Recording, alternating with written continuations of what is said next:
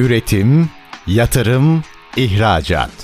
Üreten Türkiye'nin radyosu Endüstri Radyo sizin bulunduğunuz her yerde. Endüstri Radyo'yu arabada, bilgisayarda ve cep telefonunuzdan her yerde dinleyebilirsiniz. Endüstri Radyo.com Derya Kumtepe'nin hazırlayıp sunduğu enerjisini üreten fabrikalar programı başlıyor.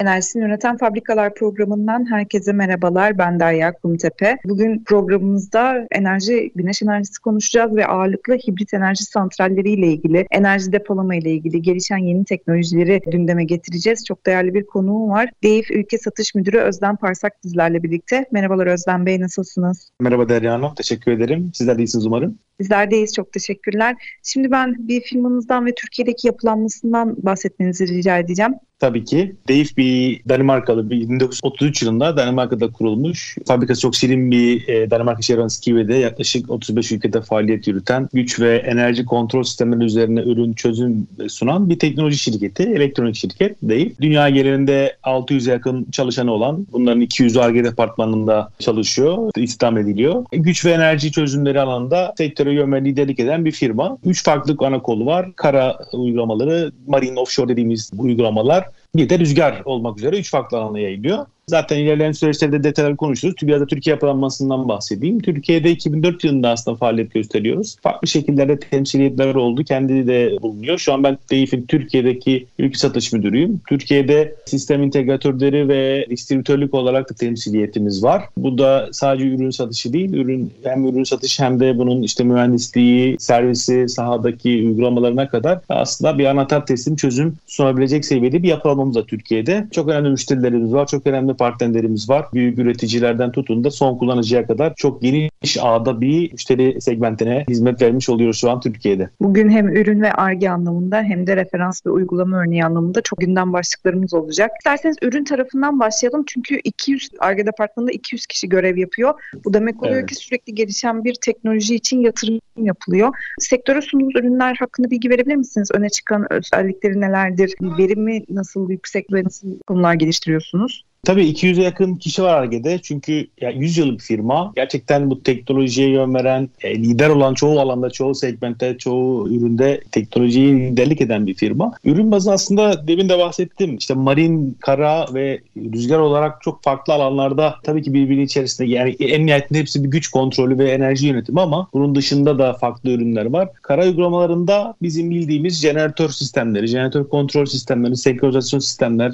diğer termal kaynakların kontrolü, gaz, HFO yakıtlı enerji üreten makinelerin kontrolü, senkronizasyonu. Türbin kontrolleri var. Yine karasal uygulama dediğimiz uygulamalarda bu işte buhar türbini olabilir, hidroelektrik santralde kullanılan elektrik türbinler olabilir. Marine uygulamalarda biraz daha böyle gemi ekipmanları dediğimiz offshore'da kullanılan ekipmanlar, kontrol cihazları, yine yine güç kontrol cihazları var. Bunun dışında koruma röleleri veya farklı e, alanlarda kullanılabilecek gemi otomasyonu cihazları mevcut marin tarafında. Bir de rüzgar tarafı var. Rüzgar tarafında da bu türbin kontrolleri yani komple rüzgar türbününün kontrolünü anahtar teslim yapacak teknoloji ve çözümler üretiliyor firma bünyesinde. Bu şekilde 3 ana kolda yapabiliriz. Burada önemli olan şey aslında isim kalitesini getiren gerçekten dediğimiz ARGE tarafı. Sadece ürünü yapıp öyle bırakmıyoruz. Bu ürünün geliş, pazarın ihtiyaçları, müşterilerin ihtiyaçları, teknolojinin geldiği noktaya göre bu ürünler sürekli gelişiyor, sürekli değişiyor. Gerek yazılımsal gerek donanımsal olarak bu değişim sürekli oluyor bu ARGE departmanları sayesinde. Biz de bu sayede zaten çok sektöre yönelik çok yoğun bir şekilde çözümlerimizi sunarak ilerliyoruz.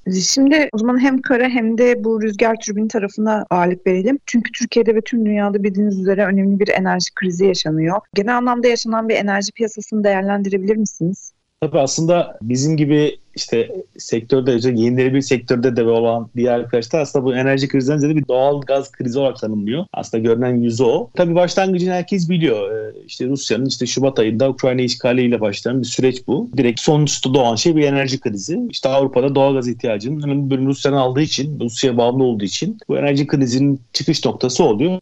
Tabii ki bunun başlangıcı da var, öncesi de var. İşte 2019 yılından itibaren işte Çin-ABD ticaret savaşı gibi işte ardından pandemi, ardından ardından arz talep dengesinin bozulması bu ciddi şekilde tedarik zincirlerini bozmuştu. Emtia fiyatlarında da ciddi artışlar e, var. İşte bakırdan, alüminyum, pe- petrolden, kömüre, eğlenceden, buğdaya, mısıra her şeyin fiyatı arttı. Bu tedarik zincirlerin e, kırılmasıyla birlikte artan ham madde fiyatları var yine. Artan ham madde ve enerji fiyatları neticesinde işte küresel enflasyon endişeleri oluşuyor. Zaten gelinen sonuçta endişeler zaten e, çıktı ortaya. Dünyanın her yerinde şu an enflasyonla ilgili problem var. Bunun dışında buna çözüm olarak işte farklı farklı şeyler aranıyor. İşte doğalgazı işte farklı palyatif çözümler sunuyor Avrupa. İşte tasarruf çözümleri açıklıyor. Sıcaklığı 19 derece tutmaktan tut başlayarak çok farklı böyle e, biraz daha şey düzeyinde e, kullanıcı düzeyinde farklı tasarruf çözümleri sunuyor, öneriyor. Ama çok yeterli olmayabilir bu çözümler. Çünkü yani o doğalgaza gerçekten Avrupa'nın tabiri caizse göbekten bağlı olması e, çok ciddi şekilde etkiliyor enerji krizini özellikle Avrupa'da. İşte farklı çözümler aranıyor. İşte LNG depolama, LNG kullanımının artırılması ya da işte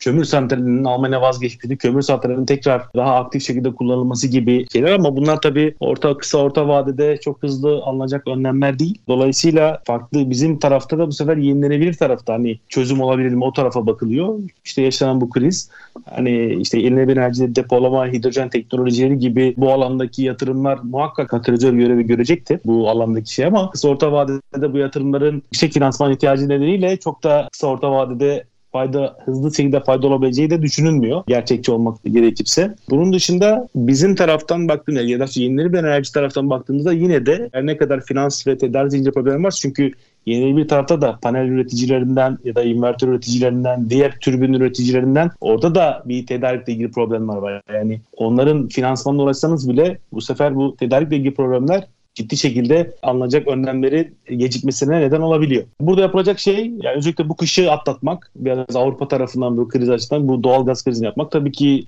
umudumuz Rusya'daki savaşın sona ermesi ve oradaki doğal gaz krizinin çözülmesi. Bununla beraber muhtemelen bu kıştan sonra daha bu tedarik zincirindeki düzelmeler de eğer yaşanırsa özellikle bu yenilenebilir enerji ürünlerinden tedariğinden tutalım bazı ham maddelerin veya işte diğer komponentlerin özellikle bu çip kriz dediğimiz elektronik komponentlerin tedarik düzelirse bu krizin orta vadede iyileşmesi, çözümü demiyorum. İyileşmesi doğru bir talep var, bir trend var ama yine de izleyip de görmek gerekiyor. Tüm bu anlattığınız gelişmeler ve neticede yaşanan sorunlara çözüm ulaştırmak için tabii ki de yenilenebilir enerji kaynaklarına herkes ağırlık veriyor, yatırımlar artıyor. Bir de tabii ki hibrit enerji santralleriyle ilgili yapılan yeni bir düzenleme var. Bu konu hakkında da bilgi verebilir misiniz? Siz bu yatırımların hangi noktasında devreye giriyorsunuz ve nasıl çözümler sunuyorsunuz? E, tabii ki hibrit enerji tarafı aslında olması gereken bir şey özellikle Türkiye'yi dünyada da zaten bu yapar ama Türkiye üzerinde konuşursak hibrit enerjiden kastımız biraz onu bir açıklayalım. Hibrit enerji farklı enerji kaynaklarının bir arada entegre bir şekilde kullanılarak özellikle yeni bir enerji kaynakları entegre bir şekilde kullanılarak sistemin arzının daha güvenli olacak şekilde yapılmasını sağlayan bir sistem hibrit. Farklı kaynakların entegrasyonu diyebiliriz. Bunun başka bir adı da mikrogrid oluyor. Mikrogrid de gene farklı kaynaklar. Biz için biraz daha termal kaynaklar, dizel jeneratör, gaz jeneratörü gibi termal kaynaklar gibi ama bizim şu an ilk senin sizin sorduğun soru biraz santral seviyesinde ve hibrit seviyesi olduğu için bununla ilgili çalışmalar var. Şu an güzel gelişmeler de var. Çıkan yönetmelikte daha önce mevcut bir kaynağın örnek veriyorum hidroelektrik santrali veya güneş veya rüzgar mevcut kapasitenin sadece %15'i kadar bir kapasiteyle yardımcı kaynak, yan kaynak kullanabiliyordunuz. Örnek veriyorum güneş enerjiniz var, hidroelektrik santraliniz var örneğin. Güneş enerjisi kurmak istiyorsunuz. Mevcut kapasiteniz 100 megawatt. Sadece 15 megawattlık bir güneş kurup hibrit sistem yapabiliyordunuz. Yine toplam kapasite artmayacak şekilde. Şu an o değişti.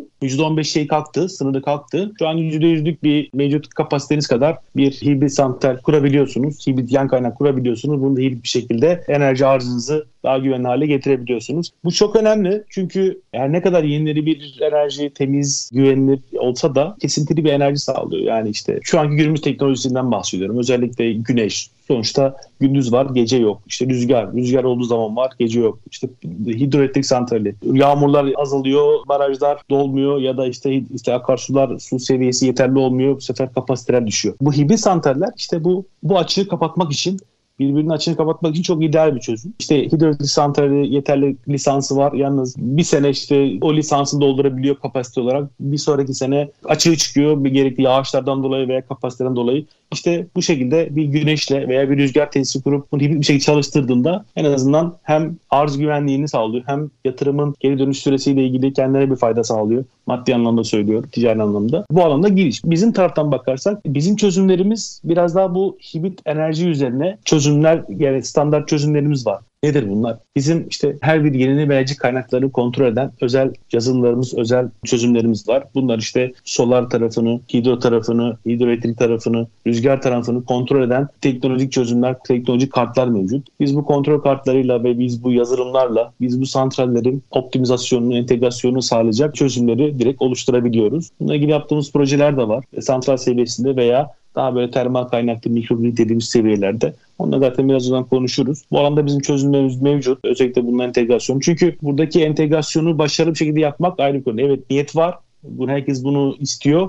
Yalnız bunun entegrasyonu konusu bu hibrit santrallerin daha doğrusu santrallerin hibrit bir şekilde çalışması konusu herkesin gördüğü kadar çok kolay olmayabiliyor. İşin yazılımsal ve donanımsal diyeyim daha sonra en çok yazılımsal bazı zorlukları daha doğrusu olabiliyor. Bu alanda biz yıllarca getirdiğimiz bilgi birikimimizi özellikle enerji otomasyonunda, jeneratör otomasyonda şu an günümüzde gelişen işte hibrit otomasyon teknolojimizle biz bunu daha böyle yılların birikimiyle yapıp şu an pazara hazır bir şekilde sunabiliyoruz. Şu anki geldiğimiz durumda biz de bu tarz projelere ağırlık veriyoruz. Şimdi kısa bir araya gideceğiz. Döndüğünüz zaman yine bu hibrit enerji santrallerinden bahsederiz. Biraz daha sanayiye de ağırlık veririz. Çünkü sanayinin de çok ciddi bir elektrik problemi var ve enerji ihtiyacı var. Bunları konuşacağız. Kısa bir araya gidiyoruz. Döndüğümüzde DEIF Ülke Satış Müdürü Özlem Parsak bizlerle birlikte olmaya devam edecek. Üretim, yatırım, ihracat. Üreten Türkiye'nin radyosu Endüstri Radyo sizin bulunduğunuz her yerde. Endüstri Radyo'yu arabada, bilgisayarda ve cep telefonunuzdan her yerde dinleyebilirsiniz. Endüstri Radyo.com Enerjisini Üreten Fabrikalar programında DEİF Ülke Satış Müdürü Özlem Parsak'la sohbetimize kaldığımız yerden devam ediyoruz. Şimdi ilk bölümü biraz hızlı geçtik ve bayağı aslında bilgilendirici oldu. Hem hibrit projelerden hem sahalardan bahsettik. Şimdi siz programın başında dediniz ki Türkiye'de çok önemli referanslarımız var, iş ortaklarımız var. Biraz böyle son dönemde yer aldığınız uygulama örneklerinden bahsedelim mi? Tabii özellikle hibrit alanında uygulama örneklerinden bir şey yapıyorsunuz. İkisi de olabilir tabii ki. Yaptığımız örnekler özellikle Türkiye'de ve dünya için. Tabii biraz hibrit tarafı biraz dünyada daha hızlı ilerliyor. Özellikle enerji esi olmayan ve enerji arzının problem olduğu işte Afrika ya da Orta Doğu ülkelerinde ya da bu tarz yerlerde hibrit projelerin, hibritten kastım biraz daha böyle şebekenin zayıf olduğu, termal kaynakların kullanıldığı, dizel gaz gibi. Burada işte güneş veya diğer kaynaklarla beraber hibrit ya da mikrogrid dediğimiz uygulamalar. Burada yaptığımız, özellikle Afrika'da yaptığımız projeler var. Somali'de bir proje yaptık. 8 adet dizel jeneratörün çalışan bir tesisin, bir madenin 5 megawattlık bir solar sisteme entegrasyonu gerçekleştirdik. Burada amaç mevcut dizel jeneratörün daha az çalışmasını, doğal olarak da daha az fosil yakıt tüketmesini sağlayacak. Hem maddi olarak şirkete kazancı hem de karbon emisyonunu düşürücü bir etkisi oldu. Türkiye'de de yaptığımız projeler var. Özellikle devreye aldığımız bir tekstil fabrikasında mevcut solar sistem, mevcut dizel jeneratör, şebeke gibi farklı kaynakların bir hibrit bir uygulamasını gerçekleştirdik. Şu an hala devam eden, içinde enerji depolamanın da olduğu gene bir fabrikada sanırım Bursa'daydı bir fabrikada işte dört tane jeneratör, yine çatıda bir solar sistem, gelecek bir enerji depolama ve şebekenin bunların da bir hibrit bir şekilde çalışacak şekilde bir çözümümüzü sunduk. Halihazırda görüşme aşaması olduğumuz son aşamaya geldiğimiz yaklaşık 6-7 tane proje yine fabrika düzeyinde yani özellikle çok sevindirici bu. Bu fabrikalarda özel çatısı olan, çatısında daha doğrusu solar sistemi olan firmalar bunları diğer kaynaklarla entegre bir şekilde çalıştırıp bu solar sistemden maksimum verimi alacak şekilde bir talepleri var. Bu da bizi çok mutlu ediyor bu tarz böyle talepleri görünce. Şu an halihazırda son aşamaya geldiğimiz 6-7 tane daha proje var. Ve bu gittikçe de artıyor. Özellikle son katıldığımız fuarlardan veya farklı organizasyonlardan sonra bu talebin de çok fazla olduğunu gözlemledik. O yüzden 2023 yılındaki hedeflerimizi biraz daha böyle yenilenebilir tarafa doğru revize ettik. 2023'ten Türkiye'den de dünya açısından hibrit sistemler, bu enerji entegrasyonu, e, optimizasyonunun da çok büyük beklentilerimiz var şirket olarak. Zaten hani en başta söyleyecektim onu unutmuştum. DEIF olarak 2030 yılında gelirimizin %70'inin yenilenebilir enerjiye yönelik çözümlerden geleceğiyle ilgili bir taahhüdümüz ve bir şeyimiz var, beklentimiz var. Şirket seviyesinde böyle bir hedefimiz var. Bu da bizim için bu stratejiye doğru giderken bu tarz şeylerin Türkiye açısından da ben Türkiye sorumlusu olarak bunları görmek, şirketin bu şekilde buna katkısını, katkı sağlayacak olma yolunda güzel bekler almak beni de mutlu ediyor. Türkiye'den özellikle şirketimizin umudu ve bu alandaki e, beklentileri çok yüksek. Şimdi bu hedefinizle ilgili tekrar konuşacağız ama öncesinde bir Bursa'daki projeye geri dönmek istiyorum ben. Hızlı geçmeyelim. Hı hı, Önemli tabii. bir proje örnek olması açısından. Nasıl bir verimlilik sonuçları elde ettiniz? Nasıl bir kurulu gücü var? Fabrika nasıl çıktılara sahip oldu? Nasıl bir kar elde etti? Projeyi kurulma aşamasını bir e, hani hikayesini anlatabilir misiniz? Tabii hikayesini anlatayım. Yalnız oradaki şu an devreye alma aşaması orada sonuçta şey yapmadık. Tekirdağ'daki projede şu an devam eden bir proje var. Orada bir 500 kW'lık bir solar sistem var. Bir dizel jeneratör sistemi var ve şebeke sistemi var orada. Şebeke bunların solar ve jeneratör sistemlerinin aktif bir şekilde entegre edilmesi, bir şekilde çalışılması projesiydi o. Daha böyle küçük bir sistem oradaki. Bursa'daki biraz daha büyük bir proje. Orada 4 tane jeneratör var. Artı 1 megawata yakın bir solar sistem var. Birkaç yıl sonra eklenecek bir enerji depolama sistemi var ve şebeke sistemi var. Ya buradaki amaç aslında şu. Şebeke gittiğinde solar sistemlerin bir devre dışı kalıyor. Yalnız bizim sistem sayesinde ve mevcut jeneratör sistemlerin de bu sisteme entegrasyonu sayesinde şebeke olmadığında solar sistemin de çalışmasını sağlayan jeneratör sistemleri devreye girip solar sistemi aktifleştirip sadece iç ihtiyaçta kullanmak üzere. Ya burası önemli sonuçta çünkü jeneratör git, e, şebeke gittiğinde solar sistemin şebekeli herhangi bir bağının kalmaması lazım. Orada o kesiciyle onun ayrılması ve bu tarz sistemlerin şebekeden güvenlik nedeniyle bağlı olmaması gerekiyor. Yani iç ihtiyacı kullanacak şekilde jeneratör sistemi çalışıp solar sistemi devreye alıp daha sonra bu solar sistemle bir senkrona girip daha sonra jeneratör sisteminin minimum düzeyde çekilip solar sistemin şebeke olmadan da çalışıp sadece iç ihtiyacı karşılayacak şekilde. Buradaki en büyük avantaj şebeke olmadığında müşteri dizel jeneratörünü kullanmak zorunda kalmıyor. Çok ciddi bir yakıt tasarrufu sağlıyor.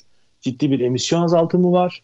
Artı burada solar sisteminde aktif olarak çalışmasından dolayı işleri yani enerjilendirmesinden dolayı iş kaybı yaşamıyor. Bunun gibi işte tabii bunların şey olarak kar olarak ya da bir maddi olarak bir hesabı yaptığınızda her birinin kendi içinde yakıt tüketimini var. İş kaybının belli bir karşılığı var firma içerisinde. Taahhütleri vardır, yetiştirmesi gereken işler vardır. Bunları hesaba kattığımızda özellikle enerji kesintilerinde mevcut dizel jeneratörü veya mevcut termal kaynağını kullanmayıp solar sistemi devreye alıp solar sistem ve iç ihtiyacını devam edecek şekilde tabii burada önemli nokta jeneratör sistemi hala devrede. Yani solar sistemin de yetmeyeceği bir durum olduğu zaman jeneratör ve solar sistemler senkron olup eğer yetmediği durumda dizel jeneratör sistemi o sistemi daha fazla besleyecek kapasiteye sahip ve bu sistemle entegre bir şekilde çalışıyor olması gerekiyor. Bunu sağlayan otomasyon sistemi, bunu sağlayan kontrol kartları biz koyup komple sahada devreye alıp ondan sonra işin düzgün bir şekilde çalışmasını sağlayacak eğitimleri verip işimizi tamamlıyoruz orada. Sizin şimdi tabii ki bu elde ettiğiniz yoğun tecrübe hem sunduğunuz üstün teknolojiyle yeni dönemde sanayi yönelik nasıl bir strateji yürütmeyi planlıyorsunuz? Hedeflediğiniz sektörler var mı yoksa sektör bağımsız başka türlü mü ilerlemeyi planlıyorsunuz? Sanayi tarafında tabii özellikle yenilenebilir enerjiyi kendi fabrikasına kuran firmalarda bizim en büyük hedeflerimiz, en büyük müşteri kitlemiz onlar olacak. Dediğim gibi bu katıldığımız, bu sene içinde katıldığımız fuarlar, etkinliklerde biz bununla ilgili talebin çok fazla olduğunu gördük. Yani herkes bir şekilde o sihirli sözcüğü kullanıp hibrit sistem, mikrogrid sistem, işte yenilenebilir entegrasyonu nasıl yaparız, bu nasıl yapılıyor, yaparsak ne gibi fayda sağlarız gibi herkes bu konuyu merak ediyor, yapmak istiyor. Bizim de bu alanda 2023 için çok farklı stratejilerimiz var. Biraz da aslında değiştirdik. Biz biraz daha, daha doğrusu biz bunu 2024 olarak görüyorduk aslında şirket olarak. Yalnız bu talebi görünce biz oradaki stratejimizi değiştirip 2023'te çok yoğun bir şekilde sanayide, fabrikalarda, farklı sektörde özellikle solar sistemi olan ancak bu sistemi bilmeyen, nasıl yapılacağını bilmeyen firmalara yönelik farklı çalışmalarımız olacak. Gerekse sanayi yönelik bu tarz fuar, bu tarz etkinlik yapan fuarlara ya da organizasyonlara katılarak buradaki bilinirliğimizi arttırmayı, buradaki çözümlerimizin bilinini arttırmayı hedefliyoruz. Buradaki hedef sektör aslında çok bir sektör yok. Sanayide olan, yenilenebilir enerjiyi bir şekilde fabrikasına kurmuş veya kuracak olan firmalar bizim için birinci sırada. Buradaki yapacağımız şey mevcut sistemin diğer kaynaklarla doğalgaz olabilir, kojenerasyon sistemi olan fabrikalar da olabilir. Sadece dizel değil. Kojenerasyon sistemiyle de yenilenebilir enerji solar sistemi biz entegre edip yine hibrit sistem yapabiliyoruz. Aslında onlar birinci hedef olacak. Çünkü onlar sadece kojenerasyon sistemi. Kojenerasyon kastım doğalgazla çalışan, artık ısıyı da kullanan bir sistemdir kojenerasyon. Bunu özellikle işte demir çelik gibi, e, çimento gibi veya işte tekstil gibi, plastik gibi farklı sektörlerde kullanılan bir sistem bu kojenerasyon. Bunların fabrikalarına kurulacak yenilenebilir sistemin kojenerasyonla entegrasyonu, sistemle entegrasyonu, hibrit bir şekilde çalışması bu da çok önemli bir konu. İşte enerjinin orada yönetilmesi konusu çok önemli. İşte ne zaman kojenerasyon sistemi kullanacak, ne zaman şebeke kullanacak. Depolama da işin içine girerse enerji depolama konusu nasıl olacak muhtemelen birazdan gene detaylı konuşuruz. Depolama da çok önemli. Bununla ilgili stratejilerimiz var. Önceliğimiz onlar. Daha sonra işte Yine bu alanda kojenerasyon olmasa da mevcut termal dizel kaynağını sisteme entegre isteyen fabrikalar olabilir. Burada da bizim hedef kitlemiz arasında onlar olacak. 2023 bizim için zaten şu an hala hazırda 5-6 proje var.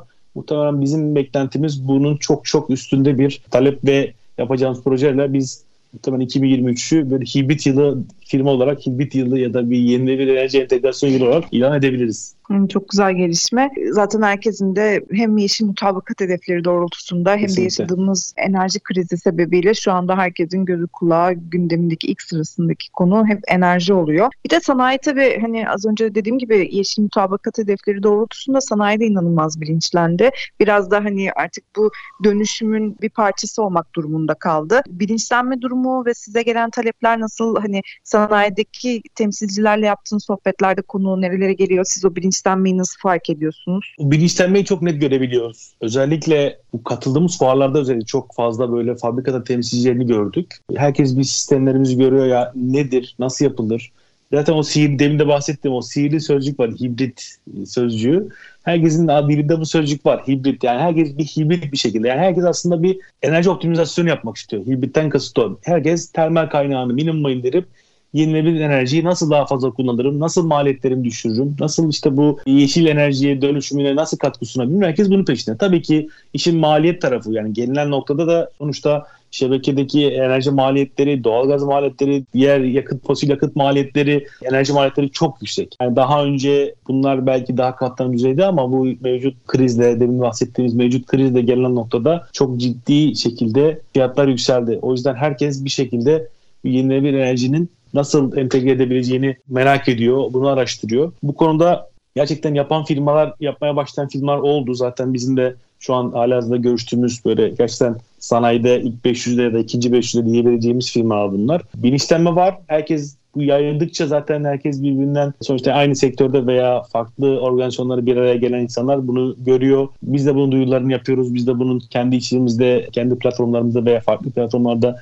bunu duyuruyoruz. Oradan gelen çok fazla bunu görüp talep var, bunu merak eden var. O yüzden bu bilinçlenmeyi görüyorum. Herkes birinci öncelik işin maliyet düşürme kısmı, enerji, yüksek enerji maliyetlerinden kurtulma, yenilenebilir enerjinin işin içine daha çok katılması.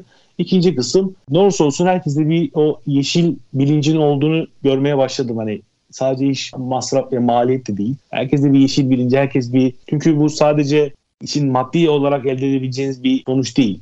Yarın bir gün çok farklı regülasyonlar, çok farklı şeyler de gelebilir. Yani örneğin bir plastik fabrikası ben ürünlerimin yeşil bir fabrikada üretiyorum demesinin ayrıcalığı da bambaşka olabilir. Şu an bunu yapan firmalar var. İşte farklı firmalar farklı taahhütlerde bulunuyor. İşte üretiminin belli bir kısmını veya yarısını veya işte veya hedef koyuyor 2030 diyor. Net zero hedefime ulaşacağım artık. Benden alacağınız ürün herhangi bir fosil yakıt kullanmadan üretilmiş bir ürün olacak gibi bunun gibi çok farklı şeyleri de var. Bazı fabrikalar bunu görebiliyor. Yani geleceğe yönelik biraz daha uzun vadeli bakıp aslında çok uzun vadeli bakış açısı bu. Orta uzun vadeli. Bunu görebiliyor. Bunu da gören firmalar da yani sadece iş ne kadar fizibil olduğuna değil bir de bu dönüşümün bir parçası olmak gelecekte geç kalmamak ve buna girmiş olmak için de bu alanda çok ciddi şekilde böyle araştırmalar ya da böyle merakla bize geliyor, soruyorlar. Bizden bilgi arıyorlar. Biz de bu şekilde yardımcı olmaya devam ediyoruz onlara. Şimdi direkt sanayiden bahsediyorken bir de bu enerji verimliliği başlığına da bir değinmek istiyorum ben. Yeşil enerjiyle çünkü kardeş onlara el ele ilerlemesi gerekiyor. Tesis içerisinde iyi bir enerji yönetimi, iyi bir enerji verimliliği uygulaması yapılması gerekiyor ki üretilen enerjinin de doğru tüketilmesi gerekiyor. Sizin bu konuda kısa bir görüşünüzü alalım sonra araya gideceğiz. Tabii enerji verimliliği konusu fabrikalarda şu an her yerde olduğu gibi aslında sadece biz kendi evimizde bile nasıl daha verimli enerjiyi verimli kullanırız bakıyoruz. Çünkü artık enerji yönetilmesi gereken bir şey. Tabii bu sadece elektrik enerjisi değil. Bunun içinde çok farklı enerjinin de işte ısı enerji, soğutma gibi fabrikalar içinde herkes bu alanda nasıl bir enerji tarafı, nasıl verimlilik sağlarız? İşte cihazların değişimi olabilir, mevcut sistemde farklı değişiklikler, farklı çözümler getirilebilir. Bunu çok farklı yapan firmalar da var. Elektrik tarafına, verimliliği tarafına gelince buradaki birinci öncelik burada yenilenebilir enerjinin entegrasyonu. Şu an elektrik enerjisinin üretiminde verimliliği ya da o enerji verimliliğini ne kadar çok yenilenebilir enerji entegre ederseniz sisteminize o kadar verimliliği arttırmış, optimize etmiş olursunuz. O yüzden bu tarafta biz işin biraz daha hibrit tarafının, yenilenebilir enerjinin entegrasyon tarafının bilincinin daha fazla artması gerektiğini, uygulamaların daha fazla artması gerektiğini düşünüyoruz. Çok teşekkür ediyorum. Döndüğümüzde çok önemli bir konu konuşacağız. O da enerji depolama. Konuyla ilgili bizden ayrılmayın. Özlem Bey'in değerli fikirleri ve bir de DEİF'in bu konuyla ilgili yaptığı önemli çalışmalar var. Bir de tabii ki rüzgar enerjisini atladık. O konuyla ilgili de konuşmak istiyorum ben. DEİF Ülke Satış Müdürü Özlem Parsak bizlerle birlikte olmaya devam edecek. Üretim, yatırım, ihracat. Üreten Türkiye'nin radyosu Endüstri Radyo sizin bulunduğunuz her yerde. Endüstri Radyo'yu arabada, bilgisayarda ve cep telefonunuzdan her yerde dinleyebilirsiniz. Endüstri Radyo.com Enerjisini Üreten Fabrikalar programında Deyip Ülke Satış Müdürü Özlem Parsak'la sohbetimize kaldığımız yerden devam ediyoruz. Enerji depolama deyip bir parantez açıp araya gitmiştik. Şimdi bu teknoloji gelişiyor. Enerjiyle ilgili arz problemini de aslında çözebilecek çok kritik bir teknoloji bu. Sizin hem görüşleriniz nelerdir hem Deyip bu alanda neler yapıyor? Bizi enerji depolama konusunda gelecek dönemde neler bekliyor? Biraz bahsedebilir misiniz? Tabii ki demin de aslında biraz da enerjinin yönetilmesi verimliliğinden bahsettik. Tabii ki bu gelecekte bu verimliliğin sağlanması, enerji arzının taleple birlikte doğru yönetilmesi konusu enerji depolamadan olmadan ya da enerji depolamadan kastımız pille elektrik enerji depolama. Tabii ki birçok uygulaması var enerji depolamanın. Baraj uygulaması var, farklı uygulamalar var. Bizim bahsedeceğimiz konu biraz pil depolama. Bu battery storage dediğimiz pil depolama sistemleri. Pil depolamayla işte lityum tabanlı daha farklı elektrokimya teknolojileri var ama ana, ana şu an lityum teknolojisi genelde revaçta ve kullanılıyor. Çok önemli bu depolama. Yani bu işi mutabakatı, bu enerji dönüşümünü, bu transformasyonu biz depolama olmadan ben şahsen başarabileceğimizi düşünmüyorum. Çünkü yani mevcut enerji kaynaklarının daha etkili biçimde yararlanmak çok önemli. Yani bundan kastım şu, bu özellikle arz ve talep dengesinin bozulduğu durumlarda depolama çok önemli bir yer kaplıyor. Bu alanda depolamanın kibrit gibi ya da diğer santral uygulamalarında olması işte fazla enerjinin depolanıp daha sonra herhangi bir açık oluştuğunda veya maliyet yönetimi açısından işte bu tarife yönetimi açısından uygun olduğu zamanlarda kullanılması veya farklı farklı uygulamalarda işte termal kaynağın minimum düşürecek bir enerji depolamanın bir termal kaynak sistemine entegrasyonu Örneğin jeneratör sistemlerini düşünün. Bir 10 tane jeneratör olan bir maden düşünün. Enerji yok. Bir şeyi de ekliyor, solar da ekliyor. Yalnız solar sisteminin burada stabilitesinin işte gece gündüzle ilgili şey olması burada daha fazla termal kaynağı kullanması doğru. Yalnız sisteme bir enerji depolama tesisi eklediğiniz zaman sistemin verimliliği maksimuma çıkıyor. Çünkü gece solar sistemi çalışma durumlarda gündüz solardan doldurulan bir pil sistemi gece çalışarak bazı jeneratör sistemlerini devre dışı bırakıp doğal olarak da fosil yakıt tüketimini engelleyerek hem maliyet olarak hem de karbon emisyonu olarak çok ciddi şekilde katkı sağlıyor. O yüzden daha birçok uygulaması var enerji depolamanın ve birçok uygulama da bir araya gelebiliyor. Hem kesintisizlik sağlıyor, işte depolama işte farklı zamanlarda arz ve talebin dengesini kurması sağlayabiliyor. Frekansla ilgili yaptığı şeyler var, faydalar var. Frekans düzeltici uygulamalar. Fabrika özelinde biraz daha böyle UPS gibi daha böyle kesintiyi hissettirmeden çalışmaya devam edecek ve solar sistemin çalışmaya devam ettirecek bir e, fonksiyonu var. Birçok fonksiyonu var depolama sisteminin. Bu gittikçe gelişiyor. O yüzden şu an belki maliyetler biraz yüksek depolama tarafında. Ama solar sistemler, PV sistemler de yüksekti. Bugün geldiğimiz nokta daha böyle feasible yapılabilir nokta. Yani önümüzdeki 2-3 içerisinde son bateri depolama, enerji depolama sisteminin de daha makul düzeyde geleceği noktasında bir öngörüm var. Ki zaten bu son 5 trende baktığımızda bunu görebiliyoruz. O yüzden bunun sistemlere entegre olması çok önemli. Enteresan bir şekilde bununla ilgili de firmalar bize sormaya başladı. Bizim burada nasıl çözümlerimiz var? Nasıl biz jeneratör sistemlerini kontrol eden, solar sistemleri kontrol eden veya rüzgar sistemlerini, rüzgar türbinlerini kontrol eden ve bunların kendi aralarında çalışmasını sağlayan bir kontrol kartlarımız ve yazılımlarımız, çözümlerimiz varsa aynı şekilde enerji depolamada da böyle çözümlerimiz var. Bir enerji depolama tesisini bizim kontrol kartlarımızla kontrol edip diğer kaynakların da bulunduğu işte şebeke, jeneratör gaz jeneratörü, solar sistem, rüzgar hangisi olursa bizim kontrol kartlarıyla yine sisteme entegre edip kontrol kartının yapabileceği, e, bu kontrol kartıyla depolamanın yapabileceği fonksiyonları bu sistemde yapabiliyoruz. Bunun için özel bir kontrol kartı çıkarttık. İşte ASC4 bateri diye bir kontrol kartı. Gerçekten hemen hemen bateri sisteminin yazılımla sizin tek baştan yapacağınız, tek tek yazacağınız, PLC ile veya farklı kontrol yapacağınız tüm çözümleri biz tek bir kontrol kartına sığdırıp işin biraz standartlaşmasını sağladık. Aynı şekilde işin solar tarafını da benzer şekilde yaptık. Çok fazla böyle ürün detayına girmedik ama hani nasıl yaptığımızda en azından bilelim. Biz bunları kontrol kartlarıyla yapıyoruz. Bildiğimiz aslında dışarı baktığınızda bir kart. İçinde ama yılların yazılımları var. Yılların emeği çıkan yazılımlar var. O sistemi maksimum verimde çalıştıracak. Bu kartlar birbirleri arasında haberleşip ortaya bir akıllı bir enerji yönetimi çıkartıyor. Solar kart, jeneratör kartıyla hibrit depolama, enerji depolama kartı, şebeke kartıyla hepsi birbiriyle haberleşiyor. Bunlar daha sonra akıllı bir enerji yönetimi çıkartıyor. Minimum termal kaynağı kullanıp maksimum yenilenebilir enerji ve depolama enerjiyi kullanıp sistemin güvenli bir şekilde enerji arzını sağlıyor.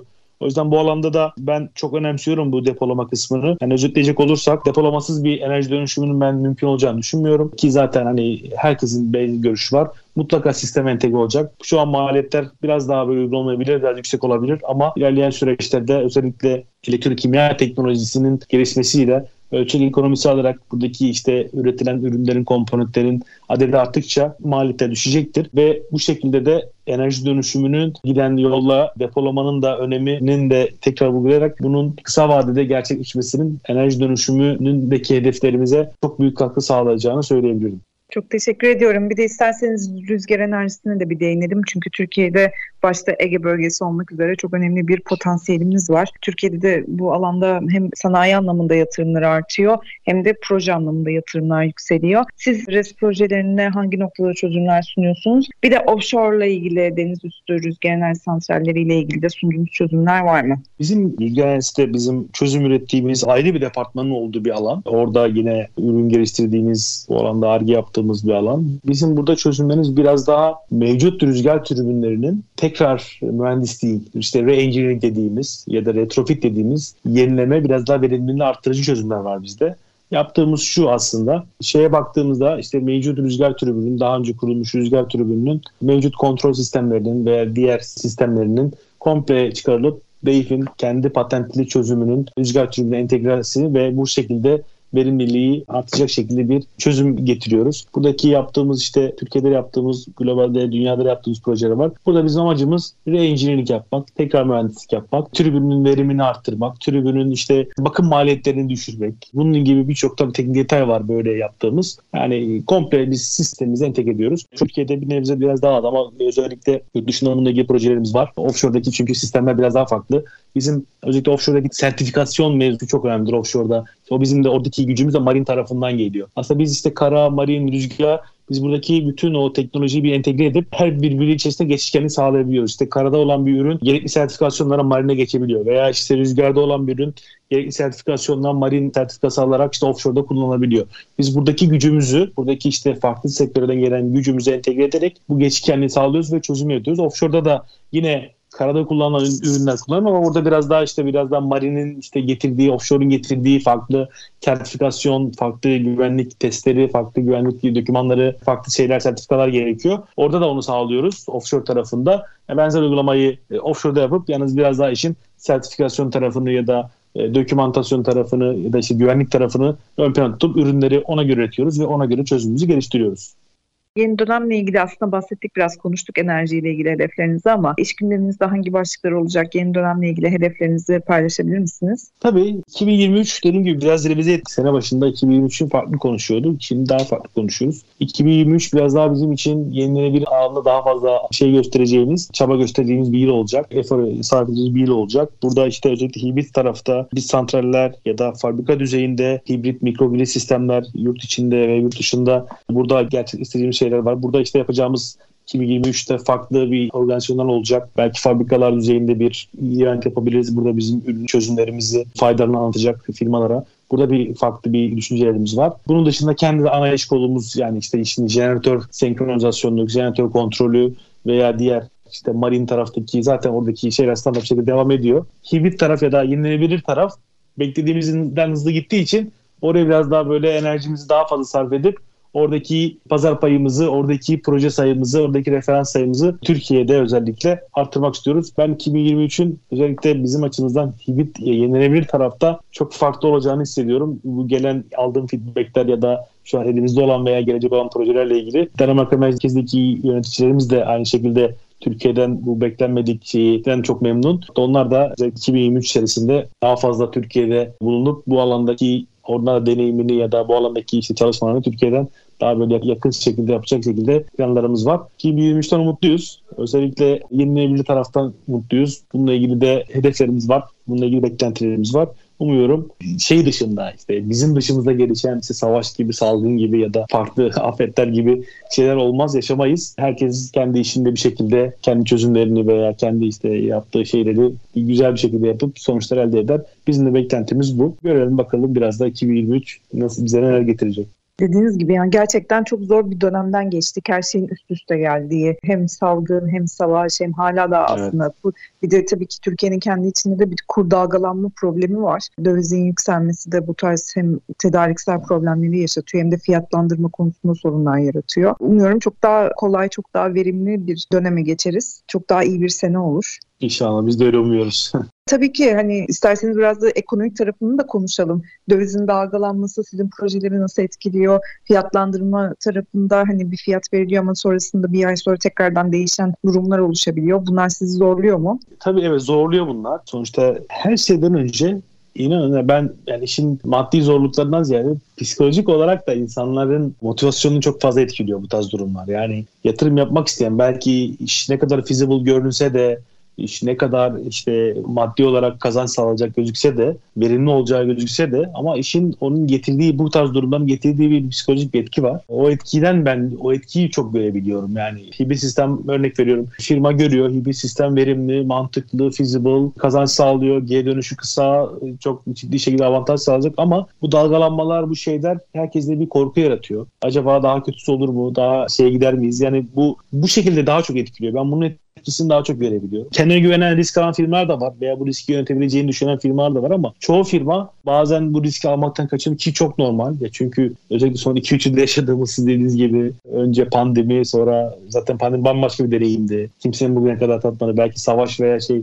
insanların hafızasında bir yerde vardır veya bilim gören vardır belki daha kaç yıl önce İkinci Dünya Savaşı vardı 60 yıl 70 yıl önce. Ama pandemi bambaşka bir deneyim yaşattı. Herkesin kafasındaki iş planı ya da kafasındaki iş mantalitesi belki resetlendi bambaşka bir seviyeye geldi. Bunun dışında bunun getirdiği işte savaşla beraber de gelinen bir enerji krizi, enflasyon krizi, enflasyon ondan sonra bunun getirdiği ekonomik dalgalanmalar işte her yerde grevler var. Özellikle dünyada farklı ülkelerde ciddi bir alım gücü sorunu var insanlarda. Çünkü enerji fiyatları karşılamıyor. Ülkeler bununla ilgili paketler çıkıyor. Türkiye ülkede yapılan şeyler var. İşte bunlar bunların getirdiği bir psikolojik etkiden ben işte bahsettim. Aslında biraz da çerçeve o yüzden çizdim. Psikolojik etki e, yatırımlarla ilgili kararların ertelenmesine maalesef sebep olabiliyor. Her ne kadar böyle çok mantıklı, avantajlı, böyle feasible görünse de bunlar etkileniyor esas.